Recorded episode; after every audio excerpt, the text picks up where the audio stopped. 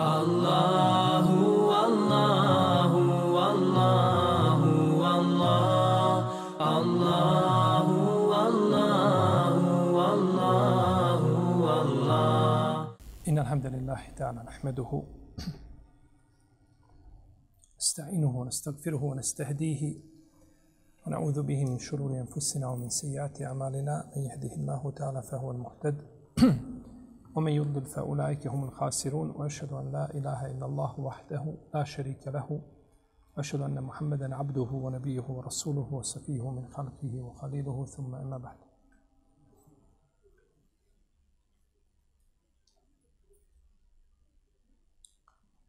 Nakon što je uzvišeni Allah Azza wa Jalla obesnažio izjavu Benu Israila i potvrdio njenu neispravnost, a to je da ahiret pripada samo njima i da su oni Allahovi miljenici i da neće ući u džennet nego ko bude samo kao oni. Uzvišeni Allah, tabarake wa ta'ala, ih je izazvao jednim velikim izazovom, pa je rekao da, po, da požele smrt ako istinu govore. A neće to nikada učiniti znajući za svoje grijehe. Potom stvoritelj Tebarake o Teala govori o stvarnosti njihovoj pa kaže وَلَتَجِدَنَّهُمْ أَحْرَصَ النَّاسِ عَلَى حَيَاهِ وَمِنَ الَّذِينَ أَشْرَكُوا يود أحدهم لو يعمر ألف سنة وما هو بمزحزحه من العذاب أن يعمر والله بصير بما يعملون I naći ćeš ih da su najbrižniji kada je u pitanju život, da žive. Čak i od mušrika. Jedan od njih bi poželio rado da živi hiljadu godina. A i kada bi poživio toliko od toga ne bi spasilo vatre džahennemske. A Allah dobro vidi ono što radi. Ole te džidennehum ahresan nasi ala hajat zatećeš ih, naći ćeš ih, vidjet ćeš da su najbrižniji, najviše vole život. Čak i od mušrika. Mekanski mušici, oni su govorili, nema ništa nego ovaj dunjaluk, ovaj svijet. Znači, ovaj dunjaluk ima i mimo ovoga dunjaluka nema ništa. Pa su smatrali da treba ovdje uživati, a čovjeka će uništiti vrijeme i nakon toga znači nema ništa. وَقَالُوا مَا هِيَ إِلَّا حَيَاتُنَ الدُّنْيَا نَمُوتُ وَنَحْيَا وَمَا يُحْلِكُنَا إِلَى الدَّهَرِ To je, kaže, samo ovaj dunjalučki život i neće našto uništi do vrijeme. Kad te vrijeme uništi, kada umreš, nakon toga je završeno i nema, je tako, nema više ništa. Temetta mine dunja fe inne kefan. Tako su govorili. Naslađuj se dunjalukom, ti ćeš proći. Da tako, kao čovjek kažeš koji čini nešto što mu šteti, kaže, valja umirat svakako ćeš umreti. Valja umirat. Misli, jel to kada umreš, tu se sve završava. Nažalost, tada tek počinje. Jer je to najkraći vremenski period u tim etapama tebe kao jedinke. Bio vjernik, bio nevjernik, bio ovakav, bio onakav. Nakon smrti tek počinje. Samo, nažalost, ljudi ne vjeruju ono što počinje. Nego vjeruju u ono što ne vrijedi, ono što vide. Pa prodaju bezvrijedno za vrijedno, pa plate skupu cijenu, preskupu. Naći ćeš ih da su, zato što ne vole smrt. Dobro, voli vjernik smrt. To mi smo govorili prošle put, je tako? Vjernik ne voli smrt. Međutim, razlika je velika, vjernik se priprema za smrt. Jer si svjestan te činjenice, iako je prezireš, ne voli ni učenik ispit, je tako? Pa se priprema za njega. Ne voli čovjek sve što gdje će biti ispitivan, iskušavan, ne zna konačnic, ne zna ishod svega toga, to mu teško pada. Međutim, to ne sprečava čovjeka da se pripremi. Pa čovjek se znači priprema, priprema, je tako, za smrt, naročito u ovom našem vremenu, je tako, kada smrt dolazi, što mi kažemo, iznenada, je tako? Naravno, sve je to Allahom odredbom i kadrom. Ali iznenadna smrt je jedan od predznaka sudnjeg dana. Došlo u hadisu koga je zabilježio imam Edine Uri u svome dijelu Muđalese i zabilježio ga također imam Tabarani u svoja, u svoja dva muadžema, u malom i u srednjem.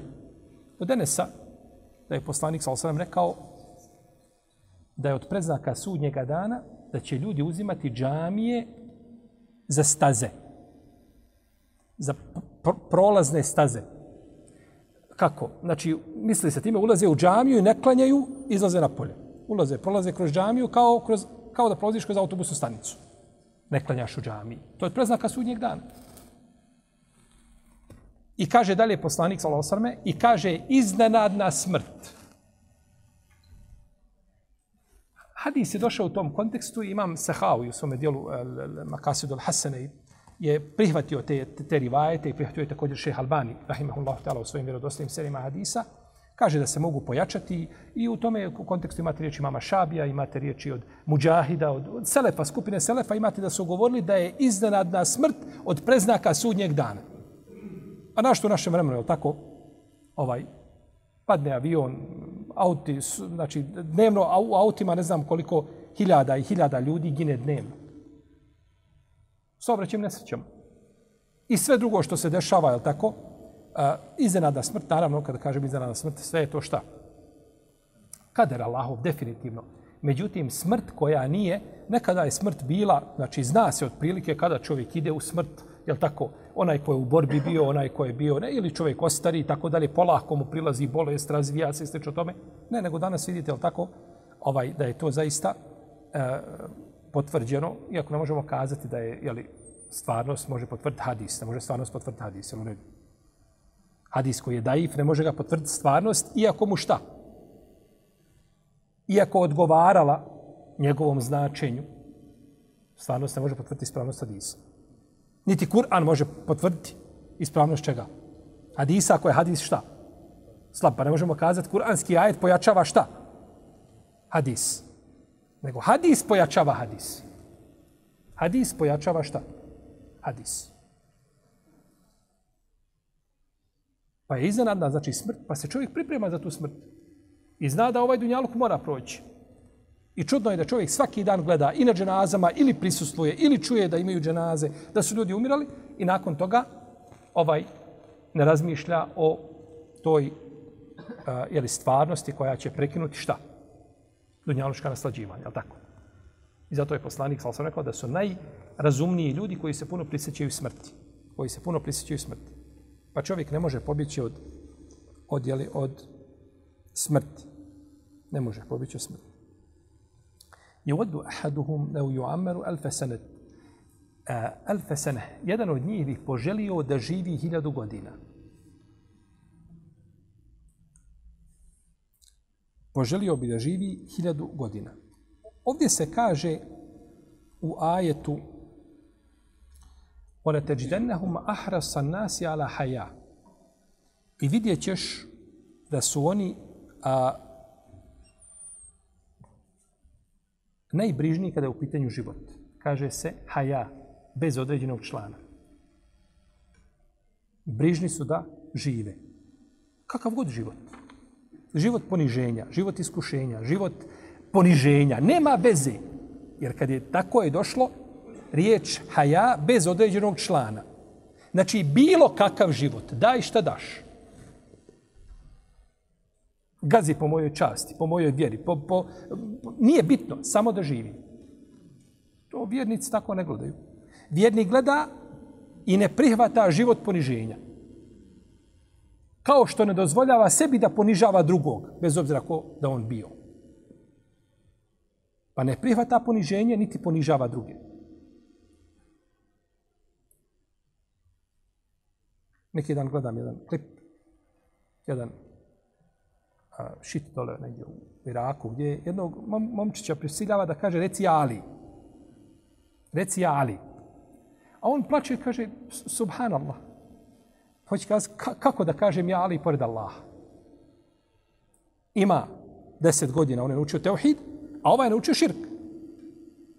To je za života naučio, da širk čini Allah. Ne može ti, vallahi ti, Alija ne može pomoći. Ne može ti pomoći niko na zemlji. Alija nema ga boljeg nakon poslanika, Ebu Bekra i Omere i Osmana, nema boljeg od Alija. Međutim, Alija ne može pomoći. Ne može ti pomoći Resulullah, sallallahu alaihi wasallam. On nas je poučio da dovimo i prizivamo Allaha jednog jedinog. Nikoga drugog te barake o teala. Inna alladine tad'une min dunillahi ibadun amsalukum.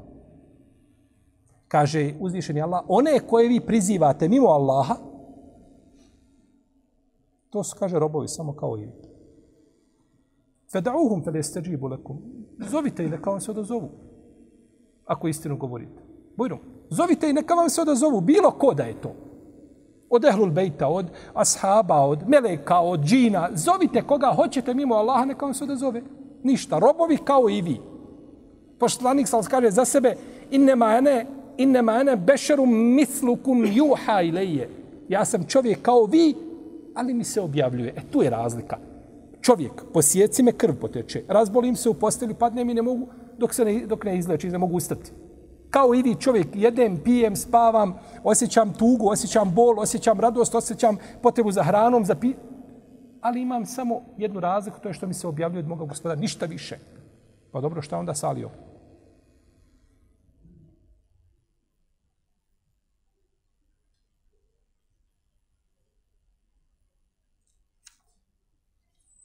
Allah hvala na blagodati razuma i na blagodati vjere. Koliko ljudi vjeruje, misli da vjeruje, a u startu sa vjerom nema ništa.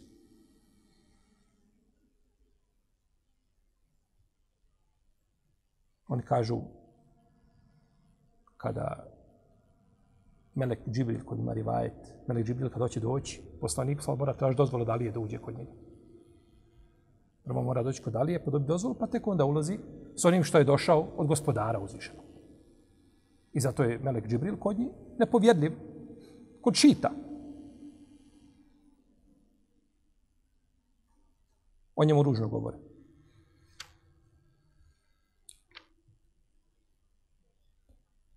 Oma huwa bi muzahzihihi min al-azabi en yu'ammar. Ne bi se on spasio, ne bi se udalio. Zahzaha je udaljivanje od nečega. Došlo u hadisu kod imama Nesaije da je poslanik, sam rekao, men same jeumen fi sebi lillah, zahzah Allahu vajhehu anin nari seb'ine harifa. Ko bude postio jedan dan na Allahovom putu, Allah mu udalji lice od vatre džehennemske, od vatre džehennemske 70 godina. Tako je došlo u rivajetu kod, ima, kod imama Nesaji u njegovom dijelu Mučteba sa dobrim lancem prenosilaca. Pa je to udaljavanje. Neće se on udalji koliko god da živio, Živi ti sada do sudnjeg dana. Sudnji dan će nastupiti definitivno. Živi do sudnjeg dana. To te ne može, ne može ti to mora sve umrijeti što ima. Kullu nefsin zaikatul maut. Svaka duša mora smrt osjetiti. Pa to ne bi čovjeka spasilo tako. Allahu basirum bima jamelun, a Allah dobro vidi ono što oni čine. Allah vidi, tabarake wa ta'ala, sve, on je svojim vidom svugdje, svojim sluhom svugdje, a svojim bićem iznad svoga prijestola izvisio se, tabarake wa ta'ala. Zna šta ljudi čine, vidi ih i zna šta čine i prije nego što to učine. I ništa mu skriveno, i ništa mu skriveno nije. Potom kaže uzvišenje Allah, tabaraka wa ta'ala, قل من كان عدوا لجبريل فإنه نزله على قلبك بإذن الله مصدقا لما بين يديه وهدى وبشرى للمؤمنين Reci ko je neprijatelj Džibrilu, a on ga Allahovom voljom spušta na tvoje srce, koji potvrđuje da su priješnje objave istinite kao putokaz i radosnu vijest vjernicima. Ovaj ajet koji govori o Džibrilu a.s. i o pogrdi onoga ko neprijateljuje prema tom plemenitom meleku, najboljem meleku od svih meleka, jer ima najbolje i najvrijednije zaduženje, obavlja najbolju funkciju koja se može obavljati, a to je da bude a, Allahovi zaslanik između njega zavođel i njegovih poslanika. Pa je on povjerenik objave. Ovaj ajet je objavljen zato što je a, skupina Beno Israila došla kod poslanika sallallahu alejhi i pitali ga o tome komu dolazi sa objavom. Pa, su, pa je rekao poslanik, sa sam da mu dolazi Džibril. Kažu, Džibril je grub. Jedan bi ta'ala. Kažu, grub, on dolazi, on voli ratovati, on voli gruboću, on voli eh, ovaj. A naš je prijatelj od Meleka, Mihajl. On dolazi sa rahmetom, smil- on kišu nam spusta i tako dalje. Kažu, pa te ne možemo zbog toga slijediti. Pa je uzvišen je Allah objavio ovaj ajet. Reci onaj ko je neprijatelj šta? Džibril, pa on ga spusta na tvoje srce. Ovo, on ga spusta na tvoje srce. Ovo se može razumjeti na dva načina. Prvo, da uzvišeni Allah šalje meleka Džibrila na srce poslanika, sallallahu alejhi ve sellem, to je jedno. A drugo, može da šalje putem meleka Džibrila Kur'an na srce poslanika Muhameda, sallallahu alejhi ve sellem. I jedno i drugo postoji mogućnost da se razumije. Iako je po svemu sudeći ovo drugo ciljano, a to je da spusta Melek Džibril šta Kur'an na srce poslanika sallallahu sallam. Međutim, i prvo ovaj razumijevanje ima svoje mjesto i moglo bi se, znači, moglo bi se uklopiti u to jezičko, znači, u to jezičko značenje. Potvrđujući ono što je prije toga, misli se na Tevrat prvenstvo. Autor je time, ovaj, spominjući opće ovaj, ovaj, ovaj, e, povod objave, znači ovoga ajeta, zašto je kazan. Ja ću vam pročitati nek, ovaj, dva rivajeta koji se tiču, posebna dva rivajeta koji se tiču a, povoda objave ovoga ajeta. A, zabilježi imam Ahmed u svome musnedu od Ibn Abasa da je rekao, kaže, a, došle su a, sledbenici Benu Israila kod poslanika, sallallahu alaihi vseleme, i rekli, o je bol Kasime. Pitaćemo te, kaže, pet stvari, pa nas obavijesti o tim stvarima. Pa ako nas obavijestiš, znaćemo da si poslanik, pa ćemo te slijediti. Pa je poslanik, sal sam od njih uzeo obećanje da ako ih obavijesti, da će ga slijediti. I kaže ono što je Israil uzeo od svojih sinova. Ko je Israil? Jakob Aliza. Uzeo svojih sinova kada je rekao Allahu ala wakil. Allah je jamac za ono na čemu se mi dogovorimo, je li tako? Kažu, dobro, obavijesti nas prvo o a, poslaniku koji treba biti poslan po pitanju a, njega i, njegov, i njegovog sna. Kaže poslanik, sa kaže, spavaju njegove oči, a ne spava njegovo srce. Kažu, obavijesti nas o tome kada će dijete biti muško, a kada će biti žensko. Pa je poslanik sa osam rekao, kaže, ako a, tekućina muškarca pretekne tekućinu žene, bit će muško. A ako bude obratno, bit će žensko. Kažu, obavijesti nas koju je sebi hranu zabranio Jakub a.s. Kaže, zabranio je sebi devino meso i devino mlijeko. Devino meso i devino mlijeko. Kažu, obavijesti nas o gromu. Pa je rekao, grom je u stvari melek koji je zadužen, koji ima u ruci, a, ima u ruci mihrak. A mihrak je kao bić nešto. U stvari mihrak je odnos, ka, u osnovi kad ti imaš odjeću pa je usučeš, peškir usučeš pa udariš dijete sa njim. Tako. To je ima on nešto poput tako, poput bića nekakvog, kojim on tjera oblake tamo gdje mu uzvišeni Allah naredi. I da je glas groma, da je to njegov glas. Glas koga? Meleka. I kaže obavijesti naš, kaže Muhammede, ko ti dolazi od Meleka? Kažu, dolazi nam, dolazi mi, kaže Džibril. Eh, kaže, to je problem. To je problem. Kaže, Džibril dolazi sa ratovima i borbama i dolazi sa kaznama. To je naš neprijatelj. Da si rekao da ti dolazi Mikail, koji dolazi sa milošću i rahmetom, kaže mi bite, mi bite slijedili. Pa je uzvišen Allah objavio ovaj šta? Ovaj ajet. Ovaj hadis koga ste čuli kod imama Ahmeda od Ibn Abbas, on je dobar bez priče vezana za, vezane za grom. Ova priča za grom, ona se treba izuzeti iz hadisa. Jer ponekad hadis može doći da je daif, ali neki momenti i detalji izjave u hadisu da su šta? Ispravne, nemaju potpore u drugim nivajetima. Ovaj hadis je hasen bez ove priče. Ima drugi rivajet koga bilježi imam Ahmed u svome musnadu od Šehra ibn Haušeba,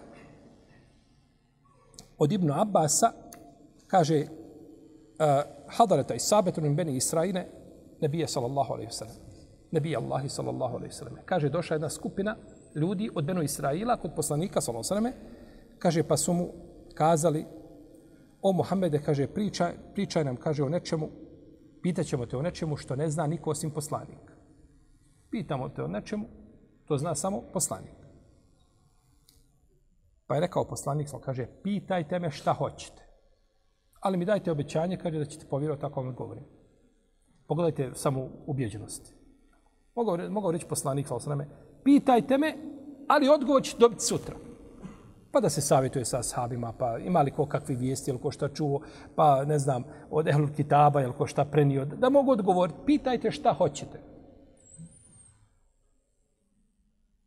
Sad ću vam odgovoriti, šta god da pitate. Ali dajte mi običajno da se sledite. Kažu, hoćemo. Imaš obećanje. Kaže, pitat ćemo te četiri stvari. Kažu, koju je stvar, koje, koju hranu je sebi zabranio Jakub, a.s. I po pitanju tečnosti muškarca i tečnosti žene, znači misli se na spermu, je li tako? Pitanju poslanika njegovog sna i po pitanju a, izaslanika u vezi s objavom. Komu je izaslanik? Isto znači smo spomenuli pretom da nisu mimo čega. Mimo priče o gromu. Tako? Pa kaže poslanik sallallahu alejhi ve selleme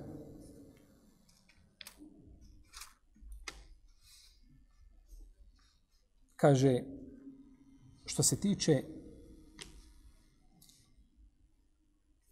a, prvog što ste pitali u vezi s hranom, kaže Allahom vam kaže preklinjem koji je Tevrat objavio Musa'u, kaže, zar nije, kaže, Jakubu najdraža bila hrana devlje meso i najdraže mu je piće bilo devlje, devlje mlijeko, pa je to sebi zabranio nakon što je bio bolestan.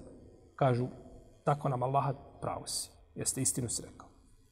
Kaže drugo, kaže, tako vam Allaha, kaže, zar ne znate da ako pretekne voda muškarca, vodu žene, da će biti muško i ličiće, ličiće na oca. A da će, ako pretekne žena, da će lis, voda žene, da će ličići na nju. Kažu, jeste, istinu si rekao. Po pitanju, a uvijek poslanik kaže, nakon toga kaže, Allahu dragi, poslije da sam ja odgovorio na ono što stražu. Nakon toga kažu, šta je po pitanju sna tog poslanika, kako spava? Kaže, oči spavaju, srce ne spava. Jel tačno? Kažu, jeste Muhammede. Kažu, reci nam četvrto i kaže kad dođeš do četvrtog, e onda ćemo, kaže, tu ili se dogovoriti ili se nećemo dogovoriti. Po pitanju toga ko je, ko je izaslanik tebe od meleka. Kaže poslanik, moj izaslanik je Džibril. On mi dolazi s objavom. I nije poslan ni jedan poslanik, a da Džibril nije bio povjerenik između uzvišenog Allaha i tog poslanika koji je prenosio. E, kažu, to je problem. To je problem. Da je neko drugi, kaže, mi biti slijedili. Da je neko drugi od meleka, ali budući da je Džibril, mi to ne možemo šta? Mi to ne možemo prihvatiti. Pa je uzvišeni Allah za objavio ovaj ajet. Kaže, imam taberi u svome tefsiru. Ovako. Eđma ehlul ilmi bi te'uili džemijan ala enne hadil aje نزلت جوابا لبني إسرائيل إذ زعموا أن جبريل عدو لهم وأن ميكائيل ولي لهم kaže imam Ibn Đarir Taberi, a on je imam Mufesira u hadisu. On je umno 310. hijđarske godine. Znači, on je šejhul islam za tefsir. Kaže, složni su učenjaci, složni su Mufesiri, kaže, da je ovaj ajet objavljen povodom Benu Israila, koji su smatrali da je Džibril njima neprijatelj, a Mikail prijatelj. I zbog njih je, kaže, objavljen taj šta? Ajet. Jer ovo spominjamo zato što rivajeti, ovi koji su došli u prvom momenu rivajetu, ima priča, dodatak o prič koji nije ispravan, drugi rivajet je došao putem Šehra ibn Haušeba. A Šehr ibn Haušeb je kod hadijskih stručnjaka ima blagu slabost. Pa se ti rivajeti mogu pojačiti međusobno. Ali konsensus učenjaka je da je taj ajet objavljen povodom čega? Povodom skupine koja je došla i pitala poslanika sa Jer konsensus učenjaka je jači i od hadisa i od ajeta. Ajet ukazuje na jedno. I konsensus učenjaka kaže drugačije, ne radimo po ajetu, nego radimo po čemu? Po konsensusu učenjaka, ako je stvarni konsensus, nema razilaženja, to je jače od ajeta. I nemojte da vam to bude nejasnoća nekako. On kaže, ja rob, vidi to. Kako to može biti? Lako može biti. Zato što ajet može biti dokinut. Ajet može biti da vrijedi za, za, za, za određenu skupinu, da ima ograničenja. Pa mi gledamo u ajet koji je dokinut, a oni gledaju dokidajući ajet. Je tako? Nemoguće je Sulema složi na batilu dalaletu. Pa da svi kažu suprotno istini. To je nemoguće. Tako i ovdje. Ako se ulema složa da je ajet ovdje zbog toga, onda definitivno znači ovi rivajeti znači mogu se pojačiti, mogu proći. Imam Taberi spominje nakon toga jedan rivajet od Omera. Kako je došlo do objave ovoga ajeta. Sa lancem prenosilaca spominje od Šabija, kaže, Omer je došao kod a, skupine Benu Israila i sjeo sa njima i pričali su. Pa je pa su mu kazali, oni su imali jedan dan kada su sjedli i razgovarali. Pa su kazali Omeru, kaže Omer, mi tebe najviše volimo od svih Muhammedovi drugova. Sallallahu alaihi sallam. Kaže, zašto? Kaže, pa ti dođeš sa nama, sjediš, pričaš. Kaže, ja dođem, kaže, kod vas kad imate ovaj dan, kad se poučavate, kaže, i čudim se kako, kaže, Tevrat potvrđuje Kur'an i kako Kur'an potvrđuje Tevrat. Da je to sve iz istog izvora došlo. Pa im je rekao, pa je tuda prošao poslanik, sa osvijem, kažu, evo tvoga jarana, idi, kaže, sa njim. Druži se, ja znam, kaže, mi znamo da ti voliš društvo njegovo. Kaže, tako vam Allah, koji je te vrat obravio Musa'u, kaže, znadete li da je poslanik? Pa su šutali. Niko ne odgovara, šutali. Pa kaže jedan među njima koji je bio učeniji, kaže, vidimo, kaže da vam, kaže on sada svojoj skupini, kaže, vidim da vam teško pada ovo pitanje, kaže, odgovorite na pitanje. Kaže, odgovori ti, ti si najučeniji među nama. Ti mu odgovori. Pa je rekao, kaže, budući, kaže, da si nas prekleo, zakleo Allahom i tražiš odgovor, kaže, jeste, kaže. Znamo, kaže, da je poslanik. Kaže, dobro, pa onda zašto ne vjerujete? A upropastili se sebe i druge upropaštavate. Kaže, nismo upropašteni. Kaže, Omer, kako niste? Kaže, on ima neprijatelja, on dolazi mu, kaže, Džibril, koji je nama neprijatelj. Samo da dolazi drugi, mi bismo to prihvatili. Samo dolazi drugi, mi bismo to prihvatili. Kaže, pa zašto ste neprijatelji vi Džibrilu? Kaže, Džibril je grub, dolazi sa ratovima, sa mm, ovaj borbom. A kaže, Mikail je onako blag, nježan, dolazi sa rahmetom i milošću. Kaže, pa smo mi prihvatili Mikaila, ne prihvatamo Džibrila. Kaže im Omer, a onda Omer hoće sada i ispita. Kaže Omer, dobro. Kakav je, kaže, odnos Džibrila i Mikaila u odnosu na uzvišenog Allaha? Kaže, jedan s desne strane, drugi s lijeve strane. Dobro kaže. A tako mi kaže onoga ko je objavio Tevrat Musa'u. Kaže, onaj ko ne prijatelje prema Džibrilu, on je, nje, prema njemu ne prijatelje i Džibril i Mikail je onaj koji je između njih. I kaže, ne može Mikail biti prijatelj onome ko ne prijatelje prema Džibrilu, niti Džibril onome ko ne prijatelje prema Mikailu. To je nemoguće. Pa je nakon toga Omer ustao i otišao do poslanika pa ga našao da izlazi jednog iz vrta, pa mu kaže poslanik sa Omere, kaže, hoćeš li, kaže, da te obavijestim, kaže, o ajetu koji mi je malo prije objavljen. Kaže, hoće Allah poslaniče, pa je objavio ovaj ajet, pa je proučio ovaj ajet. Pa je proučio ovaj ajet, kul men kjana duvelni džibril. Kaže, Allah poslaniče, htio sam te obavijestiti o onome što je bilo, kaže, ali vidim da me je uzvišen Allah pretekao objavom. Htio sam te obavijestiti šta se desilo. Pa su to, znači, povodi objave, jel tako? A, zbog čega je, znači, jer povodi objave je puno, puno utječu na razumijevanje hadisa, priče, određena priča ima, meni ko je neprijatelj Džibrilu i ti pričaš, ko, ali kada znaš odakle je osnova, odakle je to poteklo i zašto je ajet objavljen, onda lakše se ajet pamti, lakše se razumije i, jel tako, čovjek biva čvršći u svom ubiđenju po pitanju čega? Allahove, jel, Allahove, te barake o teala, knjige. Pa je došlo kod Buhari u Sahihu, da je Abdullah ibn Selam, kada je primio islam, kaže, on je rekao, o, ovaj, a on je bio prije toga a, pripadnik njihovog naroda, kad je primio islam, kaže, oni, kaže, ne vole nikako Džibrila. Džibril je njima najveći, najveći, jeli, neprijatelj. A, kod sljedbenika istine ima pravilo, kaže se u tom pravilu,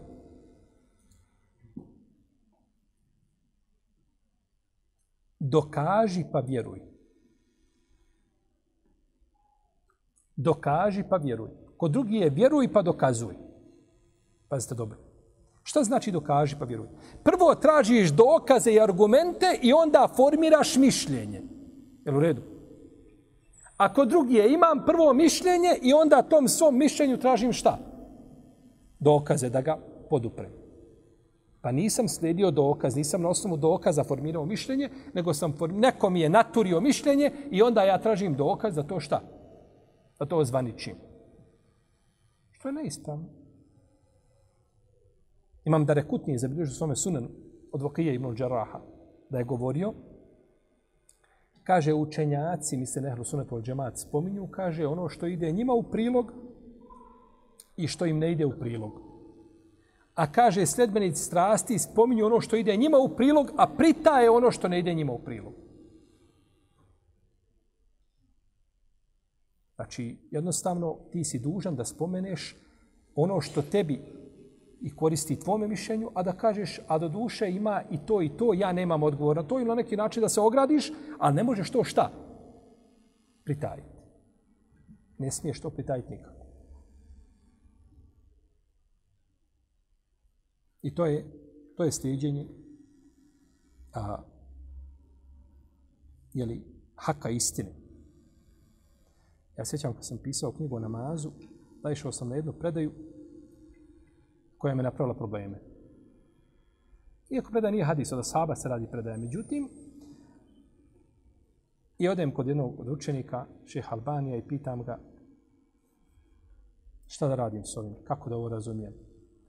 Kaže, to sad moraš spomenuti. To sad moraš spomenuti, a to nikako se ne uklapa u paket onoga što, jeli, što čovjek vidi da je ispravno. Kaže, to sad moraš spomenuti. Našao si i to je pronevjera emaneta naučnog da to ne spomeneš. Dopalo se, ne dopalo se, nije to po ukusu. To nije po ukusu. Ti moraš spomenuti ono, pa ako ne znaš, traži, pitaj ko zna. Ima neko ko zna. Ne može biti da, da niko ne zna. Međutim, ne možeš pritajiti ono što ne ide šta tebi u prilog. E, to ti je ovo što je Oka ibn Đarah rekao. To ti je praktična primjera riječi imama Okije. I zato što naš, naše učenjake spominju argumente, kažu, do, a do duše ima i predaje takva i takva koja je potpuno suprotna ono što ono dobro. Pa je to pravda ehlu sunneta, jeli, vol džemat.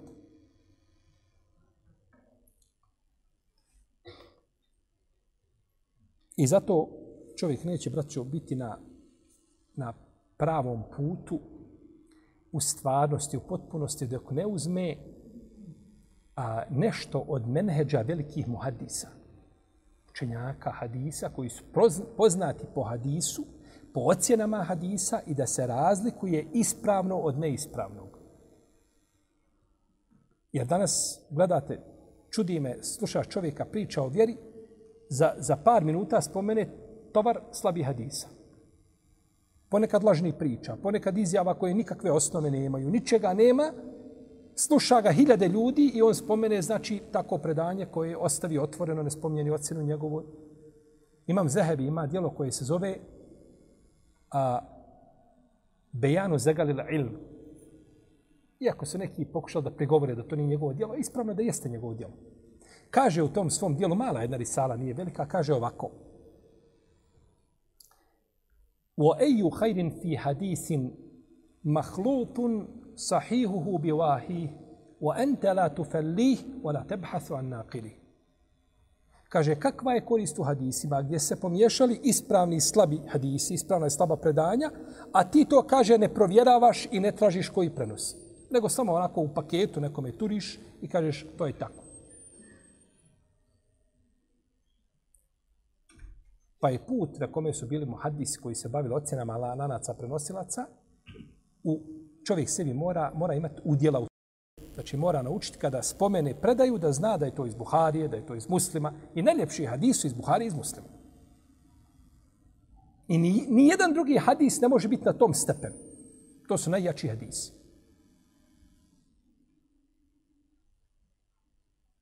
Zbog uvjeta koji su oni, jeli? Zbog uvjeta koji su oni postavili. Dobro. On ga spusta na tvoje srce.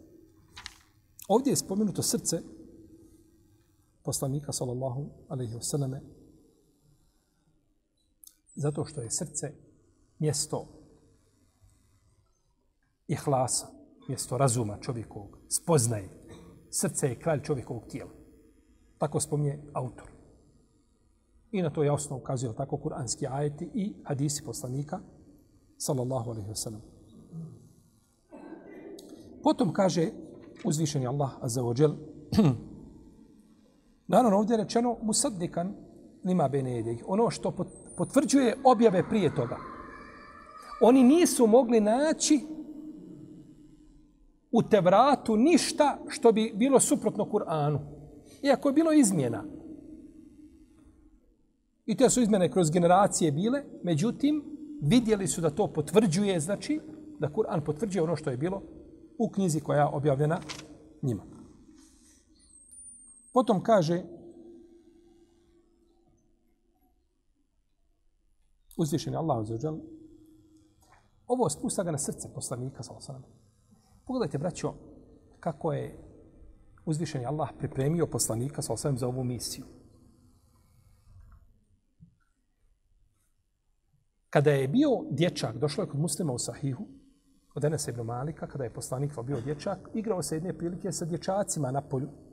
Pa je došao Džibril, oborio ga na pod, na zemlju, rasporio mu prsa, izvedio srce, rasporio srce, stavio ga u jedan tas zlatni, u posudu jednu zlatnu, i zapravo to zemzemom, izvadio je iz njega jednu grudu malu. Kaže, ovo je udio šeitanov. Odvojio. Nema toga. Pa je šeitan njegov sam primio islam, je tako? Kako došlo od Isu. Ali on primio islam. Ili po drugom značenju hadisa, ja sam miran od njega. Hadis se može pročitati na dva načina. Da je primio islam, esleme, ili eslemu, ja sam miran od njega. Ovisno kako ćeš pročitati hadis. I to je razilaženje među lemom oko značenja. Ali ono što je poznato jeste da je on šta primio, islam pa ne uznemirava poslanika, nego ga, nego ga nagovara na hajde na dobro. Pa je ponovo vratio srce od njegova prsa i onda to ovaj zašio kaže Enes, vidio sam, kaže, trag, kaže, rasporana prsa, poslanik trag sam, kaže, vrdi, vidio kako je to zaraslo. Tako došlo kod muslima u sahiju. Tad mu je kao djetetu izapravo srce. Da odrasta među ljudima čistog srca i da ga ljudi znaju kao najboljeg. I kada je poslan, kaže poslanik sa osvijem u hadisu kod Buhari i kod muslima, opet od Enesa. Da je rekao Ebu Zer radijallahu ta'ala da je pričao. Kaže, došao je Džibril poslaniku, sa osanem, i otvorio se strop u kuće, sišao, rasporio mu srce, izvadio srce, rasporio ga, izapravo ga vodom zemzem i uzeo jednu zlatnu posudu i nasuo u srce njegovo hikmet i iman. Puno srce mu nasuo hikmeta, mudrosti i imana. Ponovo zatvorio srce, vratio ga u prsa i uzeo ga za ruku i krenuo sa njim kroz nebeske sfere i onda je spomenuo hadis o mjerađu. Pa je raspor, pr, prsa poslanika, sa njegove srce su dva puta rasporene. Elem nešrah reke sadrek. Njegova, njegova prsa su dva puta rasporena. Pripremio ga uzvišeni Allah za najodgovorniju misiju koja može biti. Nije tek tako bilo, nego pogledajte da je srce njegov očistio, šeitanski dio odvojio, odrastao je među ljudima,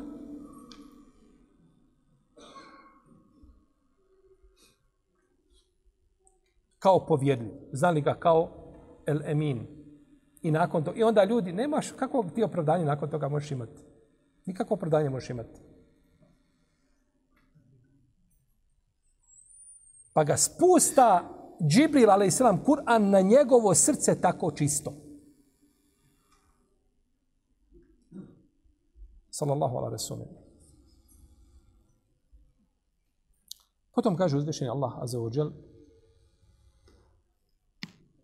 Men kane aduvan lillahi wa malaikatihi wa rusulihi wa Jibrila wa Mikale fa inna Allahe aduvan lil kafiri. Ko bude neprijatelj Allahu i njegovim melekima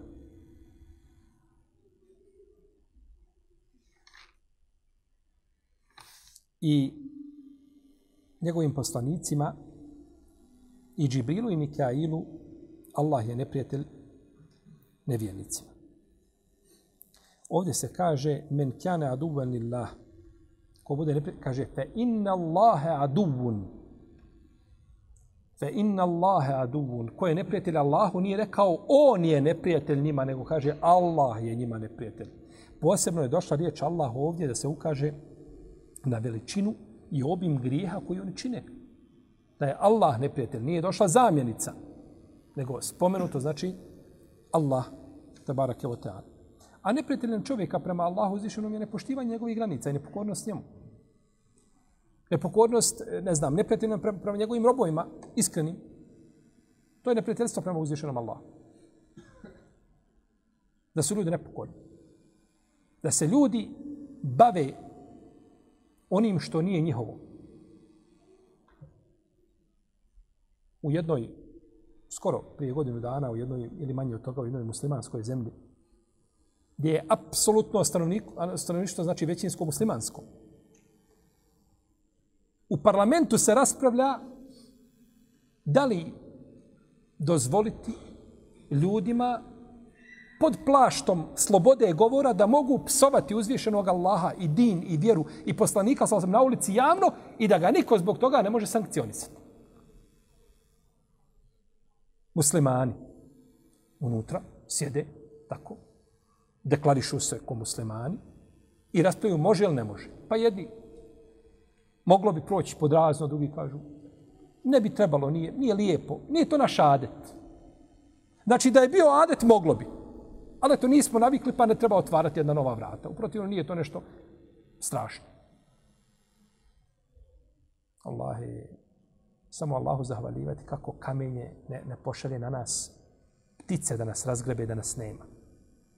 Da ljudi sjede i da raspravljaju. Znači, spomeni, spomeni istok, zapad, spomeni ovoga, spomeni onoga po imenu, dva puta ga spomeni,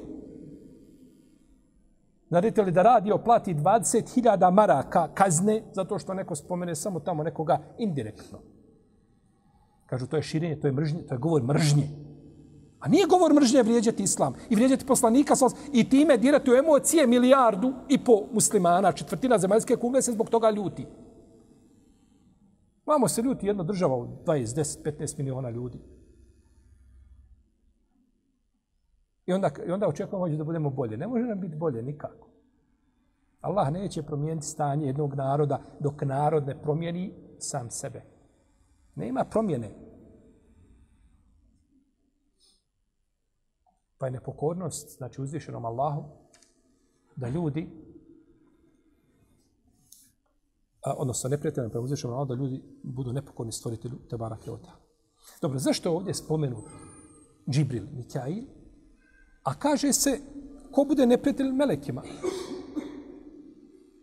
Spomenuti su oni posebno zato što je kontekst priče o njima. Pa je nije posebno uzvišeni Allah te barak tala ovdje šta? Ovdje spomenuo. Ovdje spomenuo. Fihima fakihetun o nahlun o rumman. U njima ima voća, ima palmi, ima nara. Palma i nar su dio voća, ali tako, od voća ali su spomenuti posebno zbog vrijednosti njihove. Pa ovo se kod Mufesira zove zikrul hasi badal am, spominjanje posebnog posle općenitog. Pa su spomenuti ovdje Džibril i Mikjaj.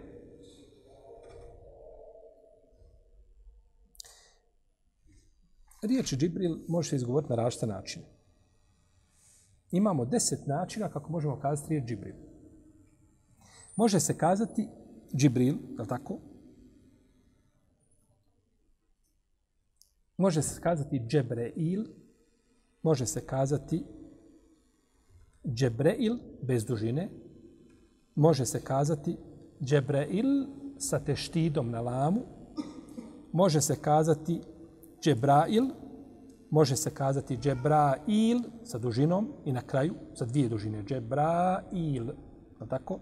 Može Džebreil sa je, nije sa hemzestom, nego sa je Džebreil, može se kazati Džebrein i može Džibrin. Sve su to jezici nariječa o kojima su iskoristili Arapi za koga? Za Džibrila. A za Mikaila se može kazati Mikail, može a, Mikail, može a, Mikail i može Mikael. Može imaju različit znači, način kako se izgovara, jeli, kako se izgovara imena ovih meleka. I kaže Imam al-Mawardi da riječ Džibril znači Abdullah, a da riječ Mikail znači Ubejdullah. A neki mu fesiri dodaju da Israfil znači Abdurrahman. Jer su Allahu najdraža imena Abdullah i Abdurrahman. To su dva najdraža imena, najdraža imena koje, koje su došla u vjerodostojnom Adisu, a u jednom predanju kod imama Ebu Jale kaže se najdraža imena Allahu su Abdullah, Abdurrahman i Haris. Haris je došao treći, Haris. Da je on uz ova dva imena, jedno od najdražih imena šta? Uzvišenom Allahu, te barake, o teala.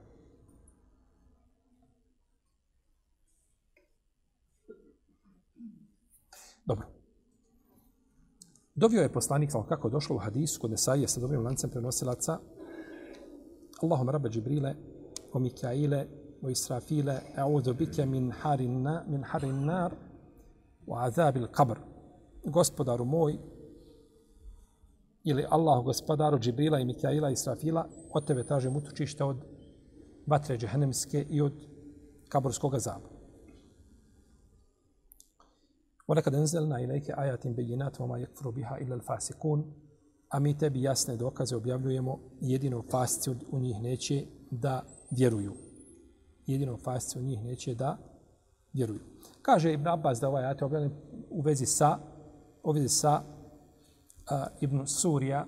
Ibn Surija je bio uh, je, ovaj, jevrej u to vrijeme koji je najviše poznavao Tevrata iz Hidžaza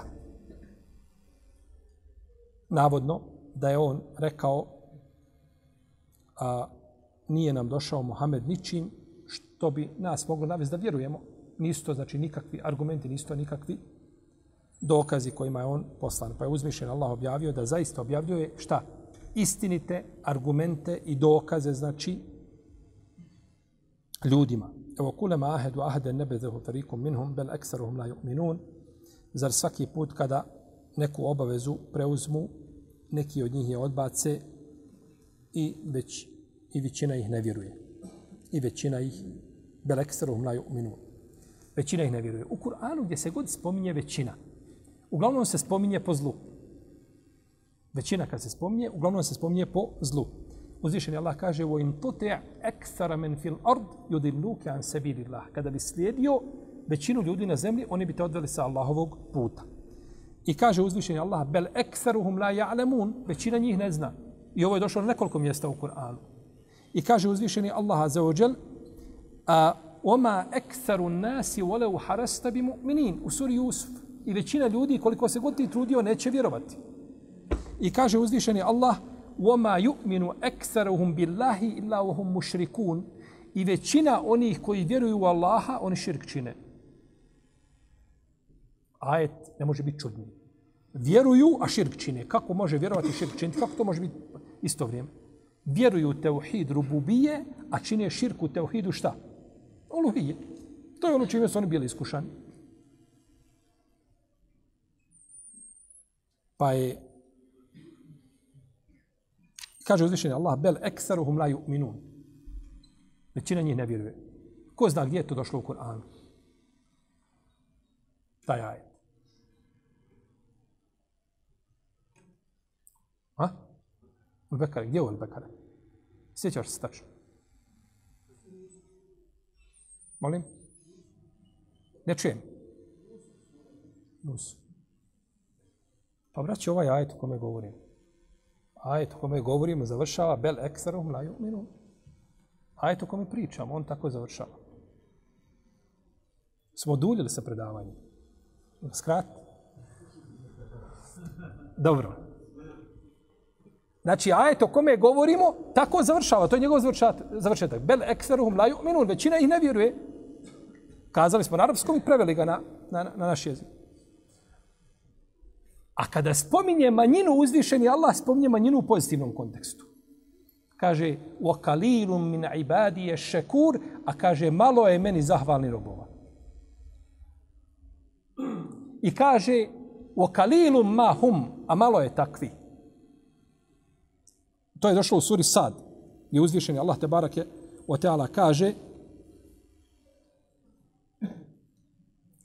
a wa inna kathiran min al-khulata la yabghi ba'dhum ala ba'd illa alladhina amanu wa amilu salihat kaže većina ortaka jedni drugima nepravdu čine osim oni koji vjeruju koji dobra djela čine. Kaže a kako je njih samo malo?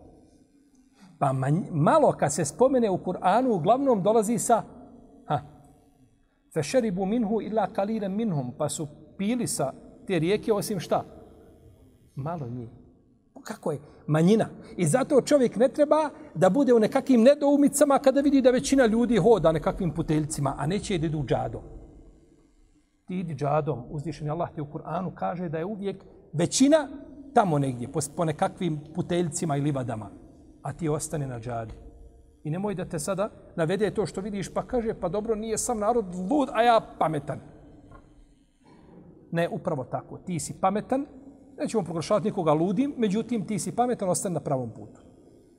Jer na istini onaj ko je, ne treba gledati, znači, ljude koji su, poslanik da išao tom logikom, sa osam kad došao u Meku, šta bi rekao? Pa dobro, ovi ljudi oko mene, valjda i oni imaju nešto, valjda i oni nešto znaju.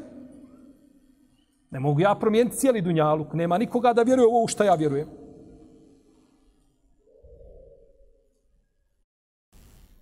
Dobro.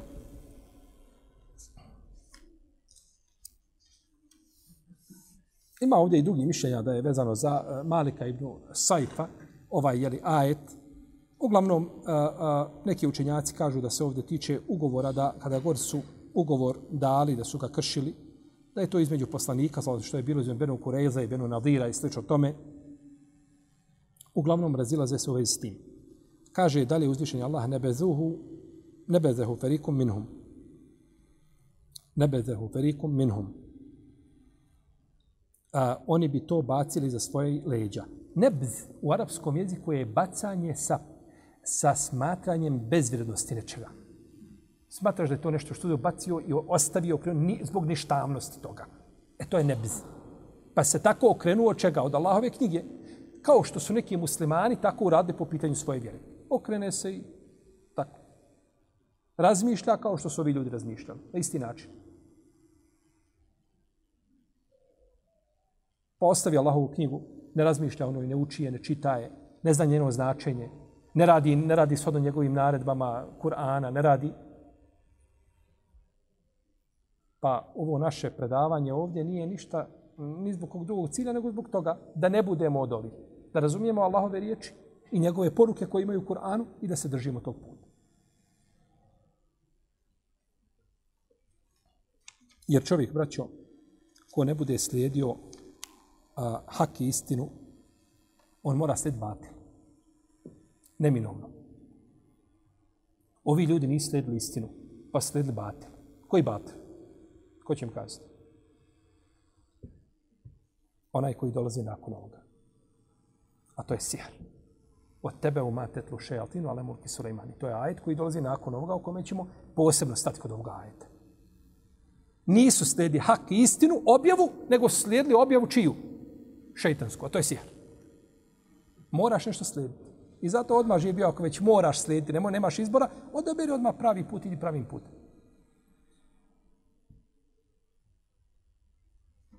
ولما جاءهم رسول من عند الله مصدق لما معهم نبذ فريق من الذين اوتوا الكتاب كتاب الله وراء ظهورهم كانهم لا يعلمون A kada im je poslanik došao, potvrđujući da je istina ono što već imaju, mnogi od njih kojima je knjiga dana za leđa su svoju knjigu, Allahu knjigu bacili kao da ne znaju.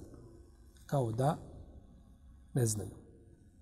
Knjiga ovdje je Tevrat. Neki učinjaci kažu da je Kur'an. Jer bac Tevrat za svoja leđa je... Kako su bacili Tevrat za svoje leđa? Time što nisi povjerovali koga? Poslanika Muhammeda, on je u Tevratu najavljen. I ti si dužan da, da, da, da, da bi tvoje vjerovanje u Tevrat bilo ispravno, morao se odazvati kome? Muhammedu sallallahu alaihi sallam. Uprotivno, to je bacanje te vrata iza leđa. Jer vam je najavljen dolazak tog poslanika. I vi ste govorili kako ćete pobijediti mušrike sa njim kada dođe i kako će vam pomoći i kako, će vi, kako ćete vi biti znači, namjesnici na zemlji i kako ćete... I nakon toga niste povjerovali u njega. A neki kažu da se ovim cilja ovdje Kur'an, knjigom. Međutim, ispravno je da ne može biti Kur'an, da neće biti, nije ciljan Kur'an, zato što se kaže zapostavili su, bacili to za svoja leđa, a baca se nešto i ostavlja se iza leđa nakon što sto šta? Uzeo, prihvatio, imao, pa ti to onda zapostaviš. Ne možeš kazati čovjek je zapostavio namaz, a on nikada Allahu na seždu pao nije. Tako. Zapostavio je namaz onaj koji je klanjao, klanjao, pa se uključio u voze, vode biznisa, ne znam, nekakvi obaveza, pa zapostavio namaz. Pa ispravno znači da se ovdje cilja šta? Kaže, kaže Šabi, a, bio je pri njima, a nisu ga učili. A Sufjan ibn Ujejne kaže, umotali su ga, kaže, u lijepe peškire i kaže u zlatne one, one korice i ostavili ga u rafe. Tako. Da su ga umotali lijepo, spakovali ga, kaže u svilu i u kadifu i ostavili ga da tako stoji, jeli, što je poznata praksa kroz generacije. I nisu, kaže, radili po njemu i nisu ohalalili ono što je Kur'an ohalalio, niti oharamili ono što je Kur'an oharamio. Nego raspravljaju, smijeli se psovati uzvišenje Allah ja.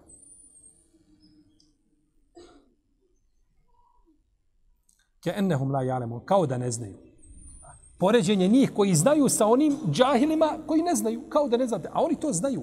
A, a učiniti grijeh nakon što spoznaje, nakon što znaš, nije isto kao učiniti grijeh iz neznanja. Iz neznanja čovjek kada učini grije pa se pokaje vrati s uzvišenom Allahu, to je nešto drugo. Za razliku onoga koji zna i svjesno i namjerno čini grije, to je onda posebna dimenzija jeli, u, po pitanju grije. Potom je uzvišen Allah zašto govorio o ajetu sihra. O tebe o matetu šeatinu, ale mulki Suleiman. Pa ćemo inša Allah u naši nekoliko narednih predavanja, dva, tri, govoriti o ovome ajetu بإذن الله تعالى والله تعالى أعلم وصلى الله على نبينا محمد وعلى آله وصحبه أجمعين. الله الله الله الله الله